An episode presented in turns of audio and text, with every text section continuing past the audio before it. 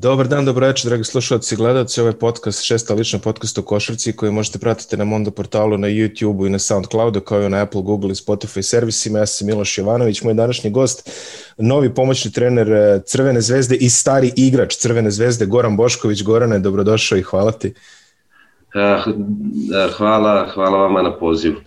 Eh, Gorane, pričao sam sa puno tvojih, da kažem, ispisnika iz te podgoričke škole, tamo što su ove, znači, sa, sa, sa Dejanom, sa Gašom i tako dalje, i svima se početci vezuju za jednu istu gimnaziju i za jednog istog profesora fizičkog. Kakav je tvoj ovaj početak bio tamo? jer si nikako vezan za njih ili... nisam, nisam, nisam vezan za profesora fizičkog, e, naročito ne profesor iz osnovne škole kao što je to slučaj sa Dejanom i sa Gašom, sa možda još nekima. Ja sam malo ovaj, moj početi se vežu za ulični basket u Podgorici, tačnije u bloku 5, tako da ovaj, tu sam ja ovaj, prve korake ono počeo košarkaške i Uh, pravo da vam kažem, nisam, nikad nisam doživljavao da ću ja da se bavim košarkom, ovaj, to je više bilo onako amaterski kao basket ispred zgrade i onda tako nekde. U četvrtom razredu srednje moj drugar ovaj, Igor Đaletic, sadašnji pomoćni trener u Japanu, inače i moj komšija koji je tada trenirao u budućnosti, pozvao me, rekao je da OKK Titograd, eto, pravi juniorski tim, ja sam imao pravo da igram za juniore još dve godine i tako sam počeo praktično u jednoj ekipi koja nije imala neke uslove, praktično igrali samo utakmice. E, tako da sam u četvrtom razredu srednje krenuo da se ovaj da eto malo da treniram košarku i da, kod igram utakmice. Gorane, ono što primećujem dosta kod igrača te generacije, e, dosta njih je krenulo da trenira košarku relativno kasno u odnosu na ono što danas deca treniraju da košarku, jer postoji neki pametan razlog zašto se to tako dešavalo u to vreme. Pa šta znamo, u Podgorici je bilo tako, nije bilo, e, Podgorici nije bilo mnogo klubova, u suštini od tih mlađih kategorija samo je budućnost imala neke uslove. Ovi ostali su, nije bilo tada ni sala, ni tih mogućnosti da se trenira, da, se, da više momaka trenira. Eto kažem, ja kad sam počeo, ovaj, praktično igrali smo e, samo utakmice te juniorske i prvog tima, da praktično smo imali vrlo rijetko treninge ili kad već taj da je moj prvi trener Bane Vukićević kad se negde snađe za neki termin, eto tako smo se i mi snalazili, tako smo i tako se počinjalo. Ne znam, ne znam, kažem, drugačije, drugačije vrijeme ne može se upoređivati sa ovim današnjim, ni infrastrukturno, ni nikako drugačije. Jednostavno to je jedno drugo vrijeme, kad, kad se sport možda i više volio, sada je sve to prešlo u neke druge dimenzije, tako da neuporedivo je i nema jasnog objašnjenja, nema jasno zašto se kasnije počeo, možda jednostavno nije se imalo, nije se imalo uslov. Um, ti si uh, vrlo brzo, znači iako si imao samo koliko godinu, dve juniorskog staža, vrlo brzo si krenuo za Beograd i 91. ako se ne varam postao se član radničkog uh, sa Crvenog krsta. Uh, šta te je privuklo da odeš u, baš u radnički u tom momentu? To je takođe jedan veliki korak za tebe, odlaziš u Beograd i sve to. Pa pravo da vam kažem, ovaj, ja sam igrao te dvije godine juniorsko u, u Titogradu, tada smo i osvojili to prve godine smo bili treći, druge godine smo osvojili, što je bilo veliki uspjeh za taj klub i a, ja cijelo vrijeme nisam, nisam planirao da se bavim košarom. I, ovaj, I onda se desila ta situacija da je recimo radnički Mi smo igrali to finale kupa, ne, finale prvenstva juniorskog Crne Gore i, a, i kao, to finale je bio kao predigra utakmice radnički radnički budućnost, stvari mm. budućnost radnički. I onda su mi ljudi iz radničkog tu vidjeli, ali poenta je bila da ja i kad sam došao u radnički nisam došao baš da bi se bavio 100% košarkom, nego sam ja planirao bio da završim fakultet i znate kako, nije, nije realno bilo da ja, recimo što znam ja, 30, 40 treninga bude neko ko će da računa da se može se bavi košarkom. I onda, ovaj, međutim, eto tako, odlučio sam se između ostalog i zbog fakulteta da bi studirao, Beograd je dao mogućnosti, međutim, te studije sam ovaj, vrlo brzo prekinuo. vrlo brzo je to postalo ozbiljno u radničkom. E, kako je bilo sarađivati sa, ovaj, ako se ne varam, P. Vivković je tada bio u radničkom u nekom momentu, čini mi se od 93. do, do 95. On je bio u radničkom dugi niz godina, ali mislim da je da, konkretno da, bio da. trener tada. I imali ste priliku takođe da igrate onu čuvenu ligu od 32 kluba, to je bilo tamo 94. 95. E, kako je to bilo iskustvo igrati tada i sa pivom e, kao, kao, kao stručnjakom za koga su mnogi imali reči hvale Slađan Stojković, na primjer, pre svih, a i, a tu ligu pa, koja je bila jako čudna da. iz današnje perspektive. Pa da, sa pivom i u kućom bilo ovaj privilegija raditi stvarno, on je bio jedan čovjek ispred svog vremena i to ne kažem samo ja, to kažu i svi koji su sarađivali sa njim i bilo je, šta znam, ono, Beogradska, da kažem Beogradska škola košarke, neš, puno je, tu, tu nije samo košarka, to je i sve oko košarke i način razmišljanja, kako razmišljate o košarci i ne samo te tehničke i taktičke stvari, nego sve to čitav jedan paket. Um, a tu je bilo dobrih trenera i u radničkom i pre pive i ovaj, pive je bio stvarno jedan čovek koji je bio tu nekako i kad nije, ja kad sam došao nije bio tu, ali stalno je bio prisutan ovaj, i bio jako jedna interesantna, jedna interesantna ličnost i stvarno kažem, bila je privilegija sarađivati sa njima tu i dosta, dosta stvari koje se nauče i dosta anegdota iz tih ono, kojih se rado sjećam i tako, ali šta znam, radnički je tada u to, to je mislim bila jedna katastrofa opšta, ja barem to tako doživljavam iz ovog, iz, iz ovog ugla, ta liga od 32 tima, mislim to je, i tada mi je to bilo van pameti, a i sada kad razmislim o tome i dalje mi je to bilo van, i dalje mi je to van pameti, tako da ne znam, 32 kluba, to, to nije ličilo na jednostavno razvodnjavanje kvaliteta i šta zna.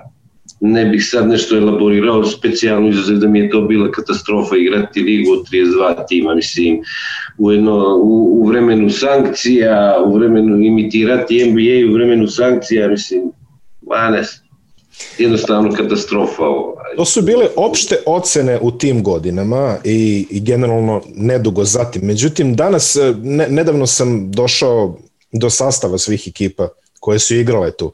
I bilo je to stvarno interesantnih ekipa, ajde da kažem, bila je Kikinda, bio je Tiffany Srem, bio je uh, Temko iz Nikšića, bila je Rajbanka Berane, bio je Jugotes iz Bijelog polja, ali uh, bilo je dosta interesantnih ekipa i ono što, što možemo da vidimo tih godina, znači svaka ekipa je imala i izbacila barem dvoje, troje nekih mladih igrača, tako da ako pogledamo, možda je ta liga, evo sada, sa ove distance od koliko, 25 godina, uh, možda i nije bila toliko loša jer je dala puno prostora mladima. A jeste ovaj, s te strane, s tog ugla gledano, vjerovatno. I stvarno je tu bilo, ovaj, te, te godine su bile godine velikog kvaliteta, znate, igralo se, igralo se recimo, ne znam sad koja je godina bila, 96 ovaj, gde Partizan igra Final Four, gde A, Perbank igra polufinale, 98. polufinale ovog pandan sadašnjeg Eurokupa, ne znam, bilo, uvijek je bilo 6-7, ono baš 8 i 9, ono ekipa gde možete da izgubite regula. Ovaj, Partizan koji je tada možda bio najjači tih godina, i već kao već su bile neke druge ekipe, možda i Zvezda i ko je već bio, ali ovaj, ja čisto men, ja ne volim kad se kvalitet razvodnjava bez obzira na sve, znači i da, da je liga bila skraćena, ne, nisam siguran da bi rezultat u tom smislu bio loši da bi izašlo manje igrača. Jednostavno, ne znam, ne znam, ja, mene to iz ovog ugla i iz, iz tadašnjeg ugla bilo nešto što mi se nije dopadalo i to je to. A, jeste možda bilo tu, ali e, i neki ra, e, razvoj malih sredina, ali koliko je to bilo utemeljeno sad od ovih nekoliko ekipa koje si nabrao, to više i ne postoje ni u, ni u obrisima, tako da ovaj, ja više volim da kad se nešto sistemski razvija, pa tako i ti klubovi i to, znači, to je bila jedna situacija, eto tako, ad hoc bukvalno i ovaj, meni se to Meni se to stvarno nije dopadalo ni tada. Tako da ono, iz tog ugla da je bilo mnogo igrača, uh, a, jeste, ali ih inače bilo puno jaka je konkurencija bila, nije moglo, dolazilo se recimo, šta znam, u radničkom u toku leta dođe na probu 20-ak, 30-ak igrača od kojih je bilo jako kvalitetnih i ono Znači, tu je, tu je, stvarno je bilo drugačije neko vrijeme i bilo je više kvalitetnih igrača. E, pre nego što se pozabavimo tvojim delom karijere, gde si sad da kažemo i proslavio, to je godinama u železniku, da se podsjetimo još jednog događaja kojeg sam isto se podsjetio ja, a to je crnogorski All Star odigran 1994. u, u Bijelom polju ovaj, u hali, u hali Jugotesa. Našao sam čisto ovako podatke u jednom starom časopisu Koš ovaj, da je Nikola Bulatović bio MVP, šef struke današnji ovaj, tvoj Dejan Radnić je postigao 36 poena, ti si čini mi se postigao 11, ali delo je kao da je bila lepa i interesantna manifestacija na stranu sav kvalitet koji se tu pa, okupi. Sigurno, sad ja sad pravo da vam kažem, ne sjećam precizno, ovaj, znam da smo igrali, znam, ali to je All Star utakmica, ono, igramo, zezamo se i tako, ono, da bude, više je to da, bu, da budemo dopadljivi i da to nekomu da je to gledljivo nego, nego aj, ovaj, što je to nešto takmičarski. Tu je, sjećam se da smo se lepo proveli na utakmici i posle, tako da, eto, to, je, to su neka moja sjećanja za to.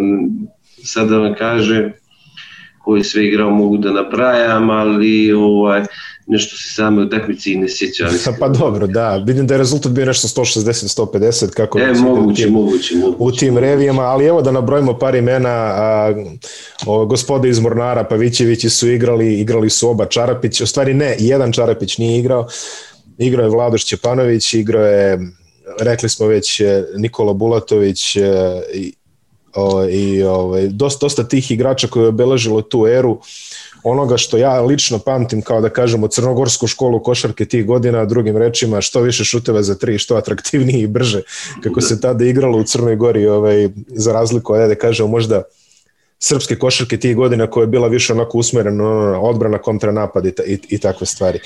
Uh, prelaziš u FNP 1995. i tu se zadržavaš ovaj, 96. ja mislim 95. nije ni bitno. 96. Da. da, 96. ali tu se zadržavaš ovaj, dve, dve sezone u kojima ćeš eh, ostaviti izuzetan pečat.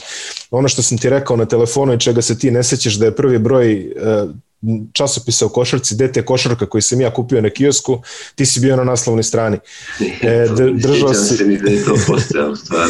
Da drž, držiš trofej eh, pobednika Kupa Jugoslavije, tada sam i ja, na primer, aj verujem i šira javnost, prvi put čula uh, za tu ekipu FMP-a i šta se tamo radi.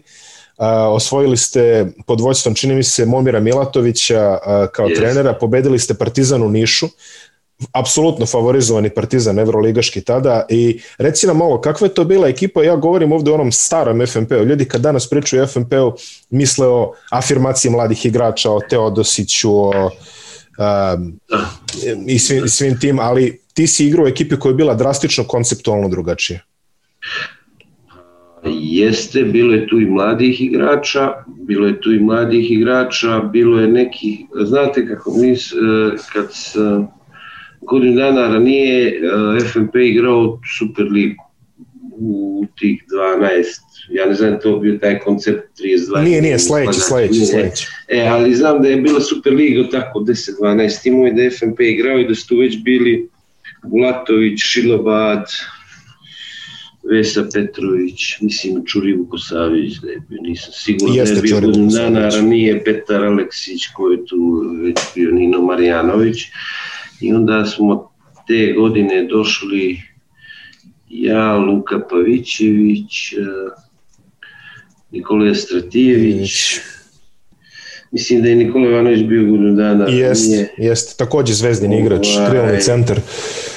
Da, koji sad, sad da, da, da, da ne preskočim nekog, ja, znači, uglavnom, ne mogu sad i da se nisam preskočio nikog, ovaj, uh, i uh, sigurno je da je u tom momentu i zašto sam ja i došao u FNP bio je FNP bio tim koji, pred kojim je bilo ono sa velikim ambicijama u tom trenutku Ovaj, I tako smo krenuli, tako smo krenuli, drugačije vrijeme bilo, nije bilo, tada se te godine se nije ni igrala Evropa, ekipe iz Jugoslavije tadašnje nisu mogli da igraju Evropu, bar ja mislim. 9-5 igrao je Partizan sam. Uh, jesmo, jesmo, igrali smo Evropu, Partizan je igrao, Euroligu Zvezda igrala kup koraće sa onim strancima i to sam nedavno gledao, Charlesa Smitha i ovu, i ovu ekipu.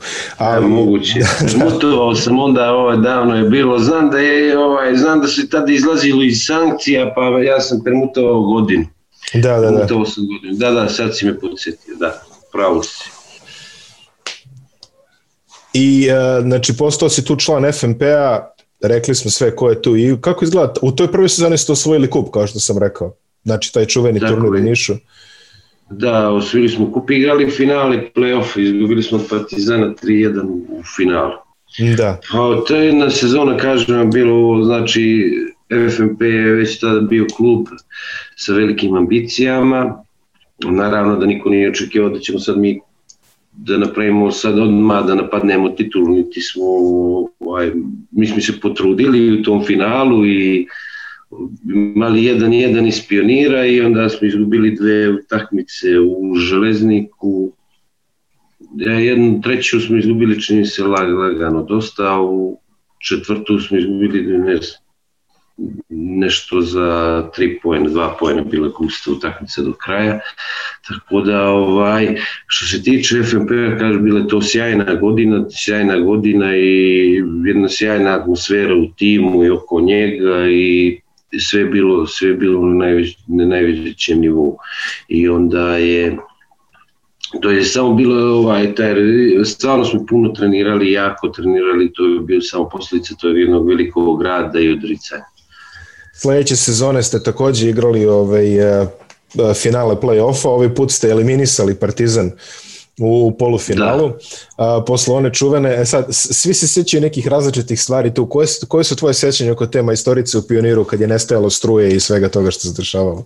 Ma da, to je bilo ovako živopisno, pa mi smo, ne znam, bila neka situacija, jako je teško igrati Eh, biti u FNP-u, igrati protiv Zvezde i protiv Partizana finale. To su, to su veliki pritisci. Svi, otprilike, mene mislim, realno svi žele manje više da da, da, da Euroliga igraju ili Zvezda ili Partizan, tako da ovaj, mi smo tu dolazili ono kao nedrag gost u finalima i tako da a, recimo ta, u tak, to polufinale sa Partizanom tad se igralo po sistemu uh, E, slabije plasirani što smo bili mi u tom momentu, igra prvu kod kuće, onda se igraju dve utakmice, dve utakmice se igraju u kod, kod Partizana, to je bolje plasirano.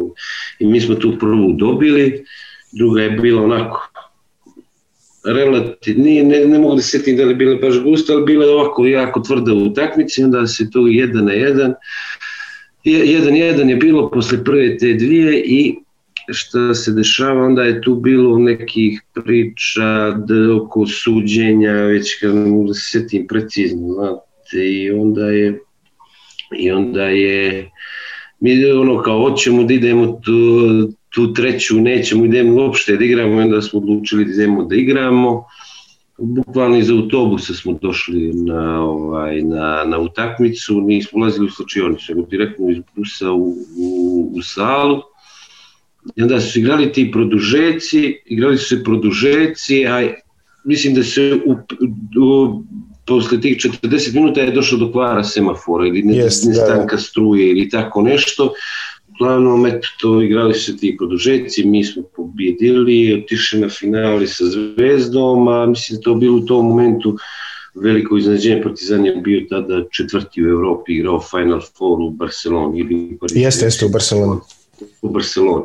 Tako da ono to govori dosta o kvalitetu, o kvalitetu lige i kvalitetu igrača kad jedan to je sad malte ne da recimo imate ekipu ovde koja je četvrta u Evropi, znate, to je e,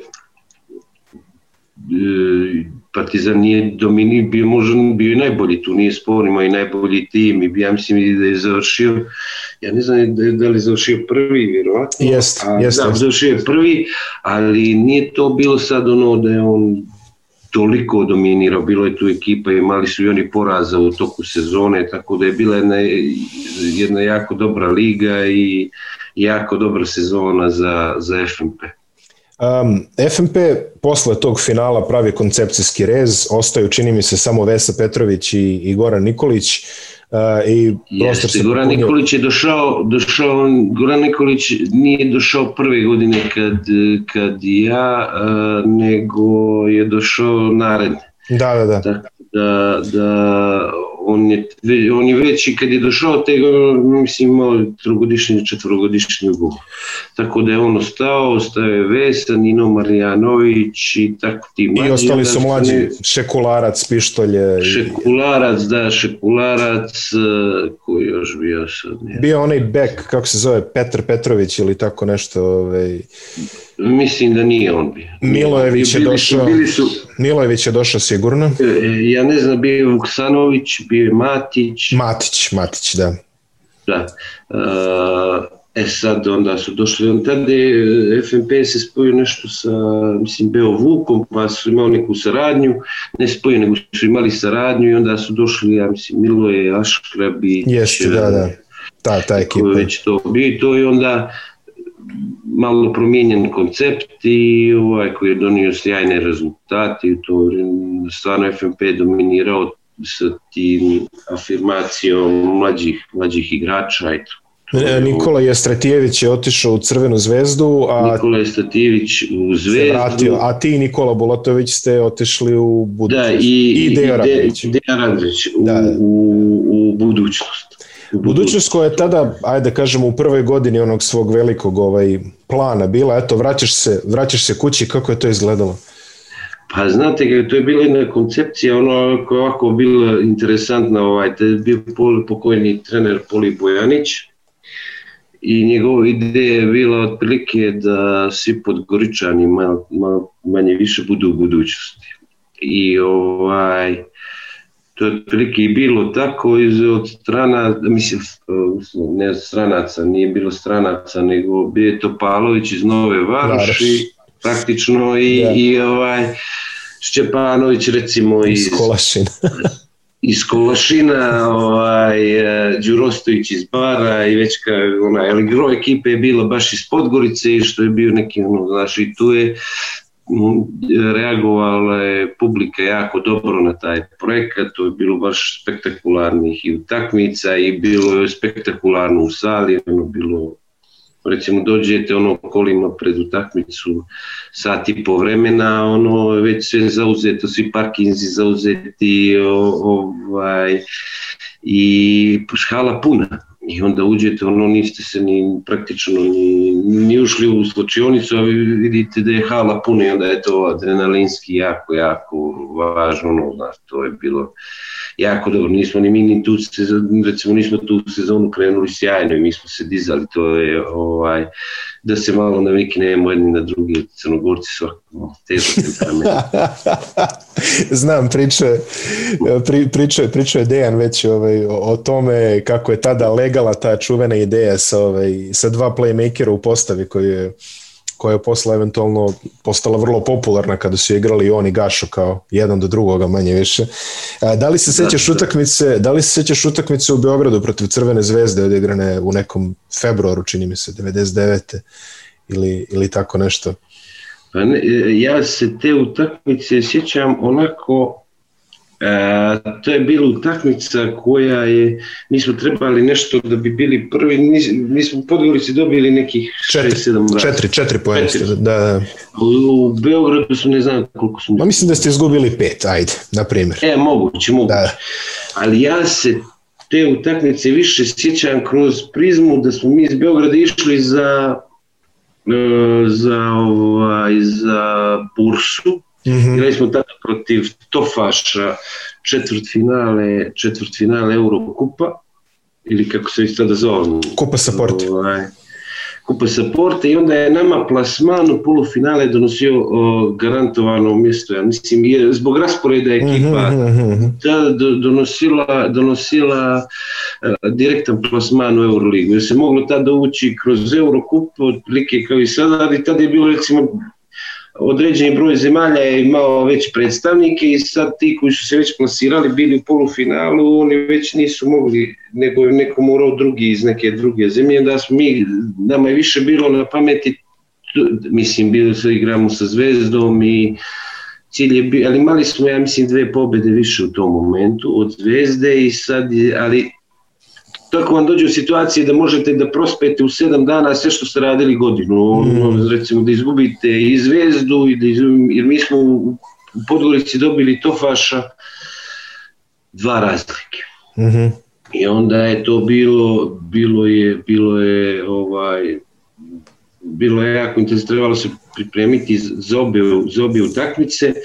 Mm I ja se te utakmice sa Zvezdom više sjećam kroz prizmu da smo mi odatle išli na ovaj protiv Tofaša koji u tom momentu bio izuzetno da bio, bio je trener Repeša, bio David je David ovaj Rivers. Rivers.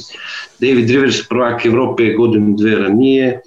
Onda ovaj, bio je Griffith, bio je Griffith, Griffith da. što je igrao da. u, u godinama u Kinderu bio ovaj Rimac, hrvatski, hrvatski reprezentativac, sadašnji trener, i Rodgers jedan, ne, da vas tako, i bilo je dobrih nekih turskih igrač, bilo je jako, jako, jako dobra ekipa, i onda smo, mi smo njih lakše dobili u Bursi nego što smo ih dobili u Podgorici, onda smo se pasirali u to polufinale.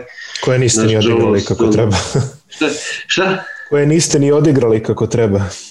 Da, da, da, pa nismo ni odigrali, nažalost, mi smo, to je, to je živopisna isto jedna situacija, mi smo otišli u Trevizo, odigramo protiv Benetona i e, Željko Obradović je bio trener Benetona u tom momentu, polufinale e, i sad mi ovaj dan, kako stignemo dan ranije, dan pred utakmicu gledam tada CNN, ono što već može se gleda na tim kablovskim kanalima, vidi se da je kao sve su diplomate napustile Beograd, očekuje se recimo bombardovanje da može da krene svakog časa, a mi smo trenutno u Trevizu i sad igramo neku utakmicu i sad onaj, mogu da ne mogu da vam pišem psihologiju, znači sutra mogu zemlju bombardovati, a a vi tamo nekako nešto kao treba da igrate i da se takmičite, i, a nije, u avionu ste nije siguran povratak, što se kasnije ispostavlja, ne znam kako smo mi uspjeli da odletimo uopšte iz tog Treviza, uglavnom mi smo sleteli negde oko 7-8 ujutro uh, i već koji to dan bio, da se zaboravim ovaj, krenulo je bombardovanje isti dan, negde oko dve, kad je krenulo bombardovanje? 6-7 sati. Tako to je da, sreda bila, ja mislim. Ali... Da, e, i e, tako da se to revanš meč, mi smo izgubili tamo nešto 12-13 razlike i ovaj i ali se taj revanš nikad nije ni odigrao tako da ono nije se odigrala ni završetak ni play-off, ni, te, ni play-off uh, se nije igrao iz objektivnih razloga. Mi smo, kaže, mi smo imali tu sezonu možda dva poraza. Imali smo zve, Zvezde i Lovćina. I da. to je bilo ono da Zvezda imala, ja mislim, tri poraza. Eto, tako, Jest. Tako da, I sezona završila. Imali ste sreću sa Zicerom Steve Načvija u poslednjem kolu protiv Beobanke. Da Inače bi tu zvezda da, da. završila prva, da. Pa da, i te utakmice se sjećam, te utakmice se sjećam, ne znam kako smo mi uopšte došli u situaciju da, da, da zavisimo od tog jednog šuta, jer smo malo te ne kontrolisali utakmicu cijelo vrijeme i vodili, ja mislim i dvocifreno, ali Kaže, nije meni, meni lako da se setim to već. pa dobro, da. E, Ono što, ono što je zanimljivo, znači završava se uh, ta sezona, ti si početkom te sezone zamenio Stevana Pekovića u budućnosti, koji je otišao u Crvenu zvezdu. A onda je Stevan Peković otišao, ja mislim, u Hemofarm, a ti si došao na njegovo mesto opet.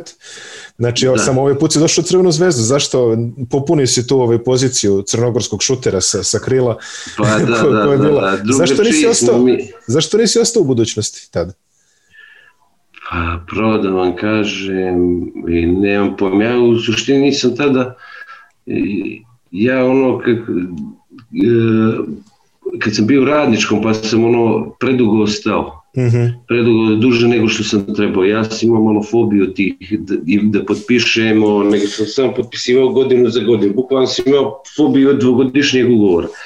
I ovaj, tako sam potpisao za budućnost ovaj, E, na godinu dana i onda nešto sad znam, nisam ja bio nešto ni presrećen u budućnosti u, u, u, tom dilu, u tom dilu minutaže igre i onda ovaj i sve ostalo mi je bilo Podgorici sjajno, ali ovaj, što se tiče same minutaže igre nisam bio baš najzadovoljni I onda sam ono, onda sam odlučio pređem u zvezdu. Isto igra Euroligu te godine. I Zvezda igrala isto Euroligu, mada su to, mada su to bili strašno teški uslovi za igranje. Igrali ste u Beču? Igrali smo u Beču, pa do Beča idete autobusom, pa se vraćate, pa onda idete, recimo, nemam pojma, u Bar ili u Kraljevo, pa onda igrate u Beogradu, pa onda idete opet e, Beč ili već tamo gde se ide nekako tih domaćina i krenuli smo, krenuli smo ok bili, međutim onda smo se urušili malo i taj kre, generacija bila zvezda jako kvalitetna, jako dobra, ali eto, nije neš, ne napravila neki rezultat, nažalost, a mogla je promijenila su se četiri trenera, Tako što, što je normalno za zvezdu tih godina. Ali, ajde, ajde samo da kažemo pa, par detalja. Boč, kažeš, počeli ste dobro, jeste, pobedili ste Paok u Beču u prvoj utakmici, onda ste izgubili pa skoro sve do kraja, samo ste pobedili Olimpiju tamo pred kraj u Beogradu kad se već vratila. Ali, recimo, šta da zna, e, ja sjećam i te druge utakmice u Beču, mm. E, da smo izgubili I e, sad ja ne volim da suđenje priča, bukvalno su bili pokradeni, ovaj, izgubili smo na produžetke od e, Barcelone. To, to je Momija Milatović tad bio trener već. To je Barcelona, ono, Aito, Pogasol, e, Navarro, šta znam, De La Fuente, tamo ovi Amerikanci šta, koji su već bili i tu su bukvalno ono, uzeli su tu zadnji, svirali su neke penale malo te nesmo dobili bili u takmici onda kreće, onda kreću i smene i tako nismo onda mogli da se pohvatamo igrali smo nekih utakmica i dobrih ali e, šteta što, što se nismo ranije, malo dosta, dosta problematična sezona, je jako teško izopisivanje, E, ali ajde, ajde da se zadržimo onda na pozitivnim stvarima iz te sezone. Ono, ono što ja pamtim iz te sezone je da je Crvena zvezda odigrala i pobedila u neverovatnom broju tesnih završnica. A, ja ću izdvojiti dve o kojima se ti učestvovao. Jedna je protiv Hemofarma, kada si izborio produžetak e, trojkom sa svog penala. Igralo se posle dva produžetka. Drugi produžetak izborio Miloš Vujanić, ovaj, šutevima sa penala, a druga je protiv fmp a kada si ovaj, ti sa tri uzastopne trojke na prelomio meč i iz kornera doneo pobedu. E, pomenut ćemo i treću kad Igor Rakočević pogodio protiv borca iz Čačka u Pioniru, takođe iz, ali evo, znači ne dešava se često da izboriš produžetak pa ne znam, ovaj, šutem sa svog penala što znam ja da to, da su to vi retrogradni Merkuri ili kako se već to zove. Uglavnom, taj period je bio baš neki, eh, ovaj, kad sam možda i u karijeri najviše tih eh, odlučujućih šuteva, da ja, recimo ta pobjeda o, o, protiv Paoka, to isto trojka recimo desetak sekundi do kraja, na tri razlike. Pa onda recimo protiv Barcelone recimo ovaj, bilo je 10 sekundi do kraja, jedan za njih, ja dan trojku, imamo plus dva, oni svinu te neke penale. Znači imao sam sigurno jednu seriju, jedno 5-6 ovaj, trojki ovaj, u tom dilu sezone, ono baš odlučujući ali ovaj, posle sam i promašio neke, tako, neke penale i neke, i neke trojke, tako da... Ali eto, ajde, to se... daj to sa hemofarmom, ispričaj nešto. Pa sa hemofarmom mi smo došli, kažem, ja sjećam te utakmice da smo mi došli s nekog putovanja, da su bili jako teški. Nam je već bilo, hemofarm praktično dobio utakmicu i šta je, nemate tu, nemate tu mnogo da, da, da razmišljate ono da su oni možda promašili, ne znam ko je štirao penali schemu farma, on je pogodio i da smo izveli loptu, možda je bilo 2-3 sekunde do kraja, da je promašio pitanje kako bi se to, ovaj, da je namjerno promašio, ali uglavnom neko izvodi, ja sa ono, u natrčavanju sam bio, tako da mi je bilo ono lagano, lagano da da primim loptu i onda se zaletiti. I, e, pravo da vam kažem, teži je šut, ovaj, teži je šut bio protiv FNP-a. Gubite dva i sad vi šutirate, šutirate iz ćoška, šutirate relativno dobru situaciju i sad treba da date.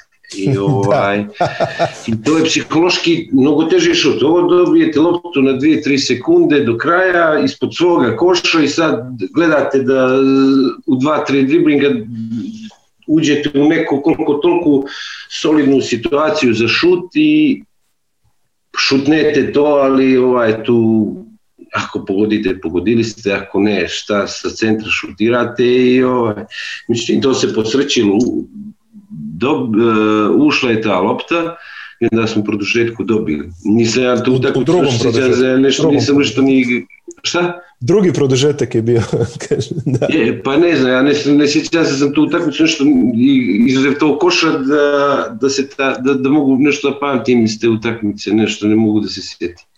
A ovo protiv FNP-a, kažem, bilo je, bio je lakši šut i psihološki, a, a, a, lakši šut što se tiče košarke, ali psihološki i teži psihološki teži jer je to bilo dva, vodi FFP2, nema više, ono lopta, ulazi, lopta ide, semafor svira kraj i to je bilo baš ono u zadnje, zadnje.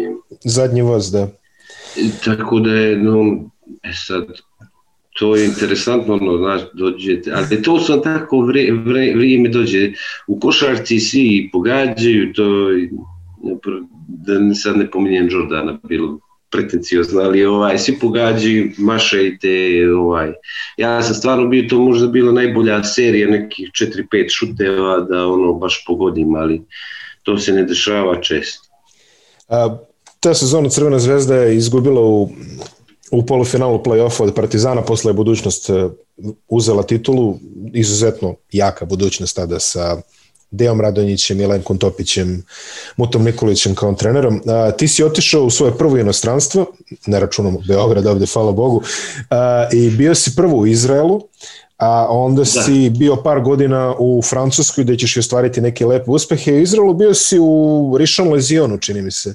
Da, da. To da. je mali grad pa nisam ja oko Tel Aviva. Imao Da, to je jedan lijep jedan klub koji imao, imao dobru tradiciju, tamo je ovaj, bio trener Pini Gershon, ne meni, nego je bio ranije, ovaj, pa tu su igrali neki čuveni igrači, igrao i Đamši, igrao je i ovaj, uh, Megi, i čuveni igrač Makabija, igrao je i Saša Nikolić, moj suigrač iz Radničkog, E, na suprugu od Mile Nedović, ne znam koliko ti e, čuvene košarkašice, koja je prva bila, prva e, women NBA igračica sa ovih mm -hmm. prostora, tako da ovo je Rišon je jedna, jedna super, jako jedna lijepa sredina, tamo se ne trenira ovaj, intenzivno kao u Jugoslaviji tada i tako, međutim ja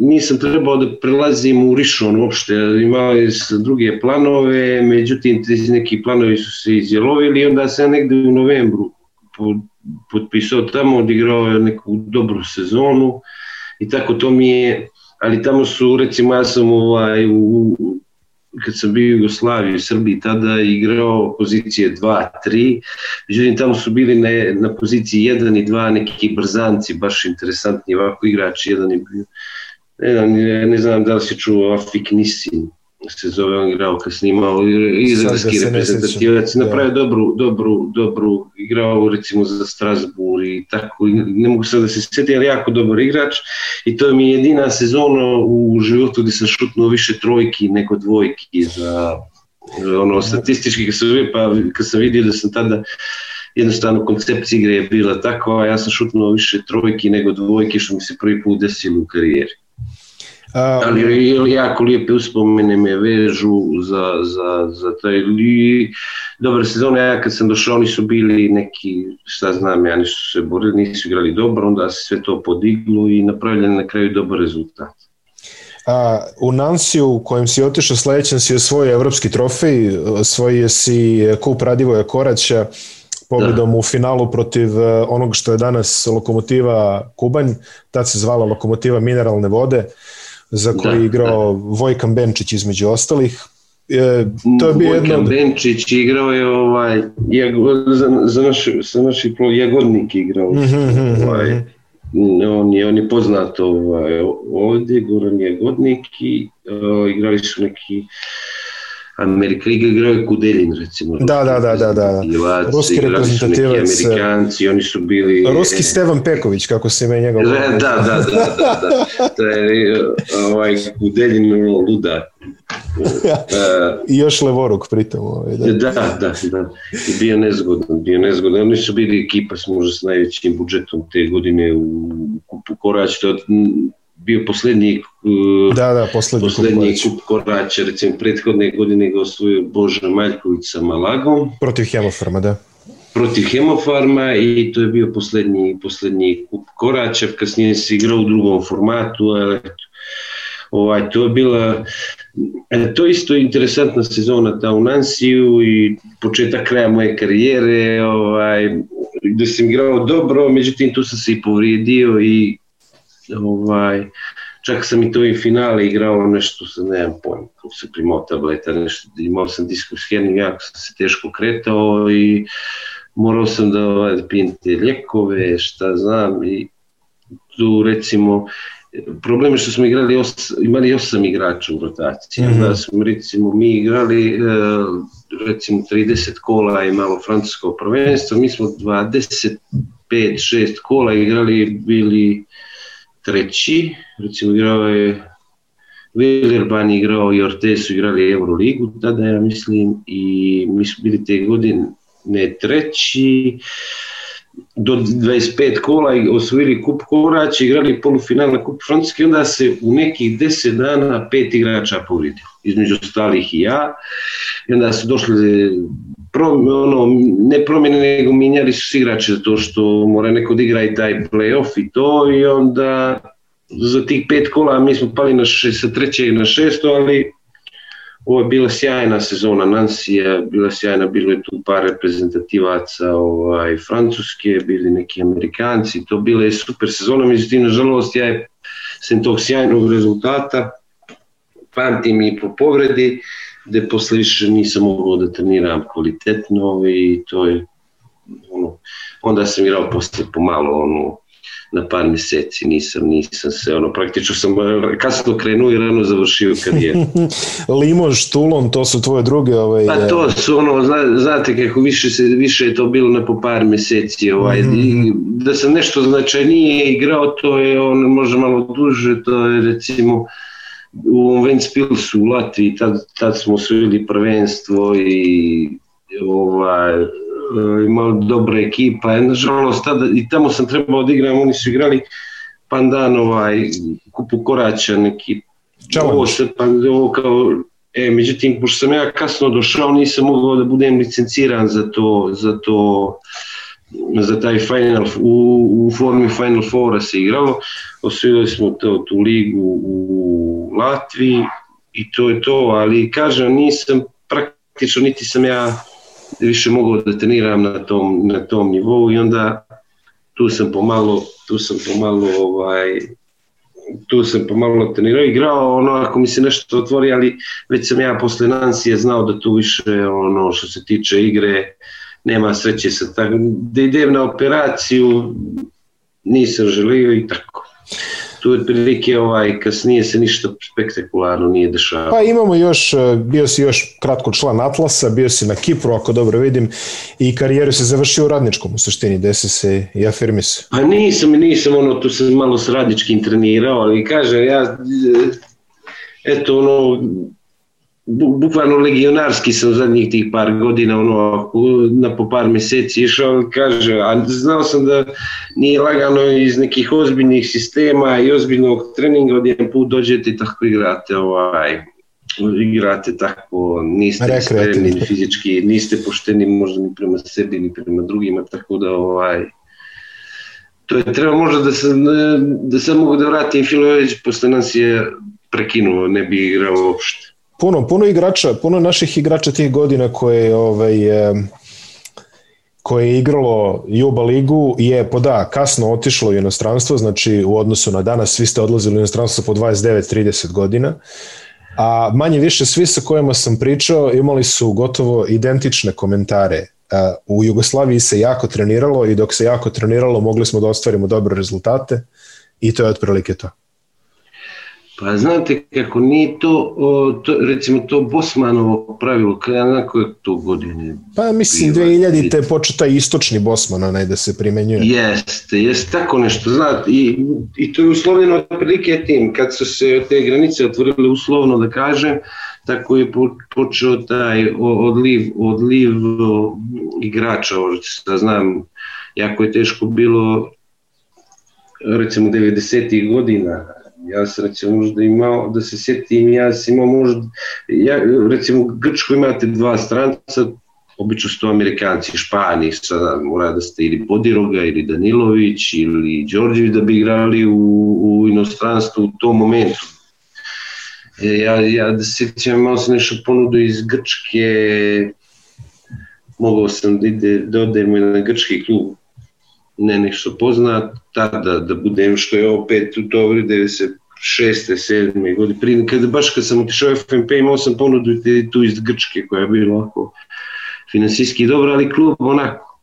Tako da ovaj, E, treniralo se dobro, i, ali sve to Bosmanovo pravilo promijenilo i onda se išlo, išlo se, išlo se malo po malo, sad je to već, ja već ne mogu da pohvatam gde su kakva pravila i koliko se ne može da ide i sa koliko godina može da se ide i mm, sad nema praktično ni barijera nikakvih mi smo tada trenirali jako, drugačije se sada trenira, ja mislim iz ove perspektive su mi trenirali pretjerano, ali iz tog nešto možda prejakog treninga neki se karakter sticao više nego on, baš se trenirao jako i se tim kad sam morao da prođem sve te treninge iz 90-ih, samo pomisao mi je teška kada...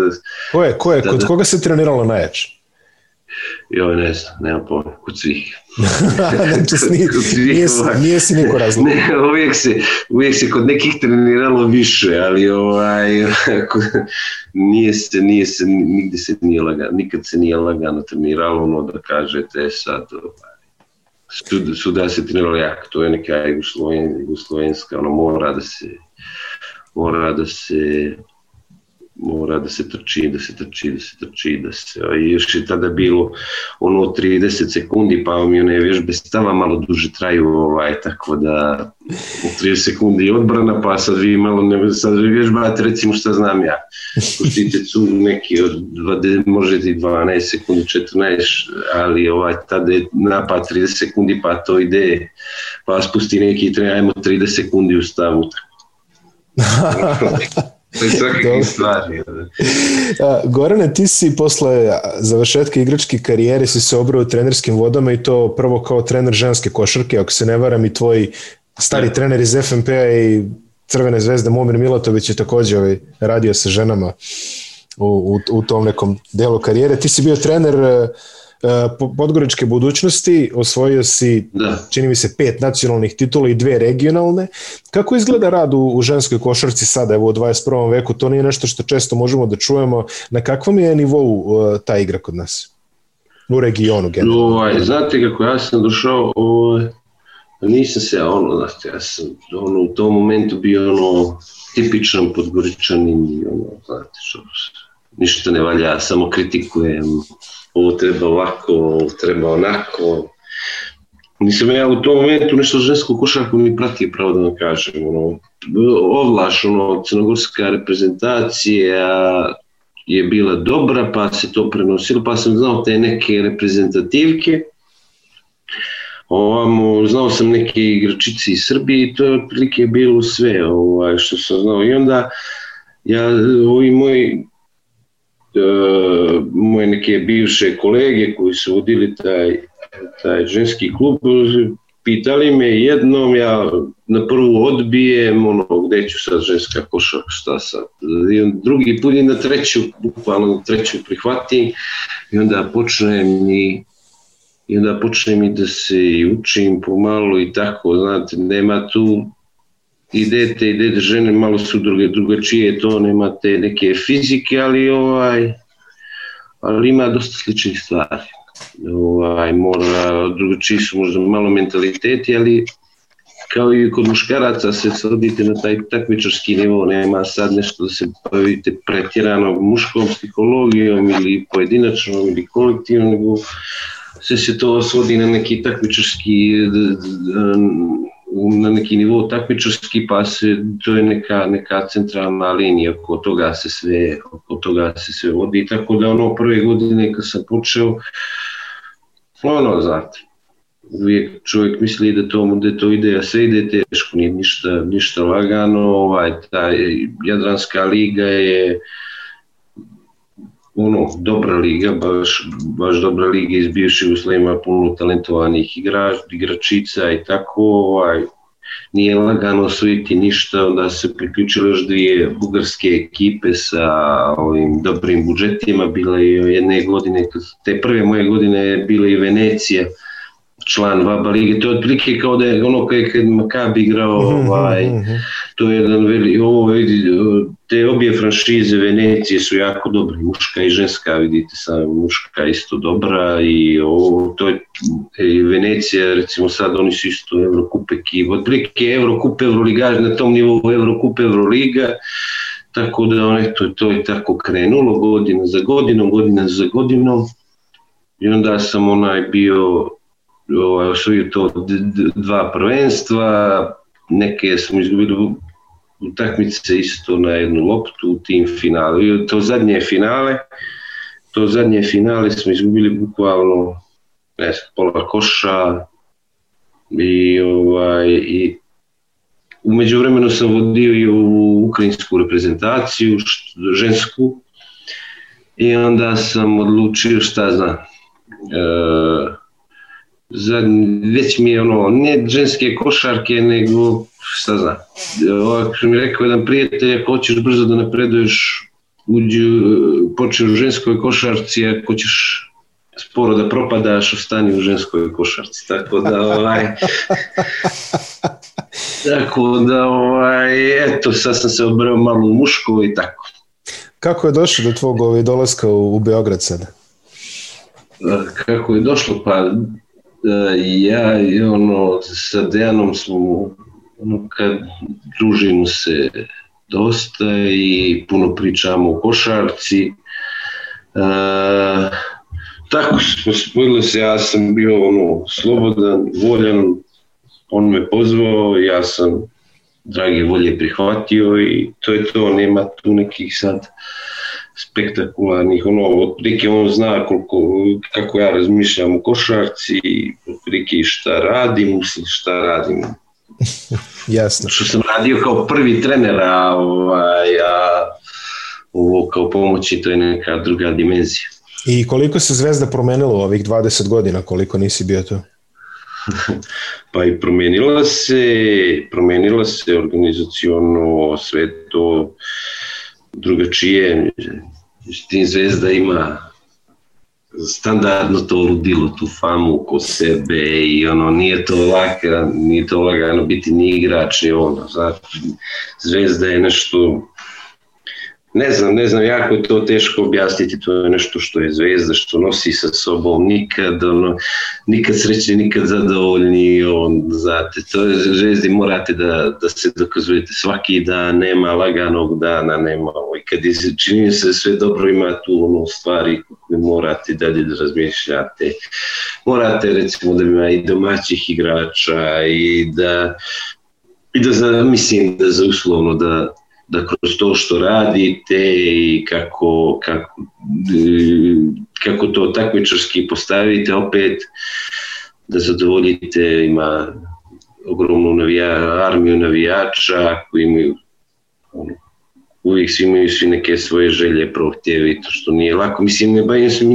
mi fontana želja, ali ono, znate, uvijek to malo, malo malo ono, znate, u tim komentarima i svim to što se dešava, uvijek nekome nešto nečim nije zadovoljen, te možda je to moglo ovako, a nažal, otprilike to je javni posao, pa to je sve normalno, ali Zvezda je ipak nešto što veliki klub, velika, velika istorija i sve što se došava oko Zvezde je jedna posebna fama i ne znam kako bi se izrazio još kako bi to nazvao, ali svakako da je ono zvezda ozbiljen, jako, jako ozbiljno.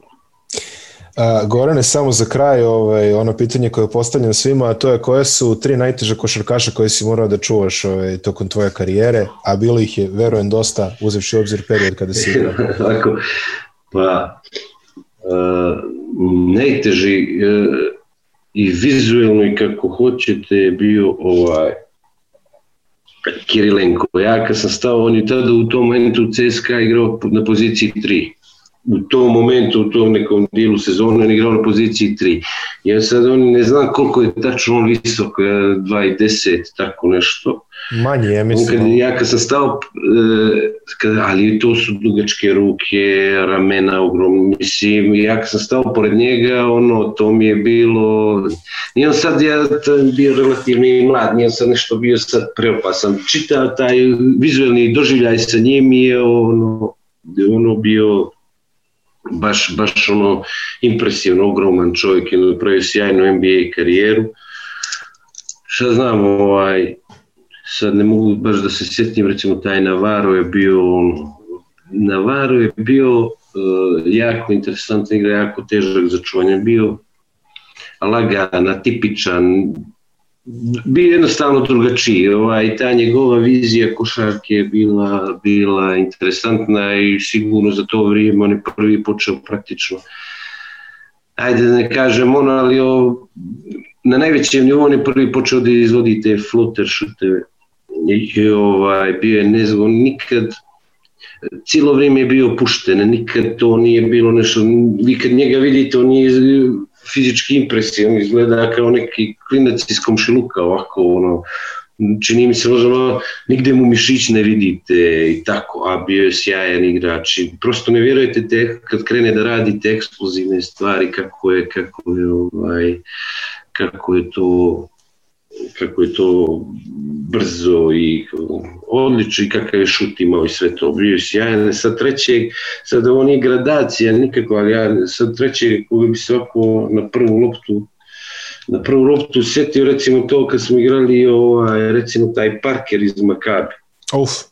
E, da, da. On je bio Pa šta znam, on je recimo za mene bio tada, mi smo igrali, te, ja sam igrao dvije utakmice protiv Makabija te godine, on je bio neki ovak, e, tada recimo za Evropu ball handler kakvi su ovo danas ovo kako su ala ne znam s kim bi ga uporedio, ali ta, ta, neki, te, ta neka tehnika, ti crossoveri, taš, kako je on to izvodio, kako je to izgledao, kako je on prirodan bio u tome i to.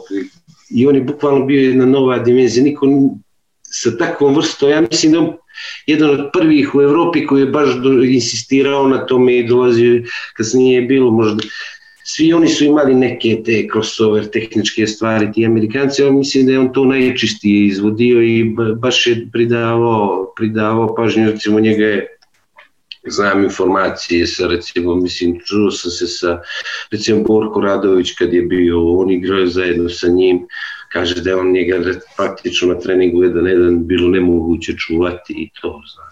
Tako da sve to ja, to mi otprilike nije gradacija ovih tri što sam rekao, ali ovaj, otprilike, eto da mi se na prvu, da se, ih se na prvu loptu sjetio. Gorane, hvala ti puno na, ovaj, na izdvojenom vremenu i naj, želim ti puno sreće u ostatku sezone i ostatku karijere, hvala Bogu. E, hvala i vam puno na pozivu.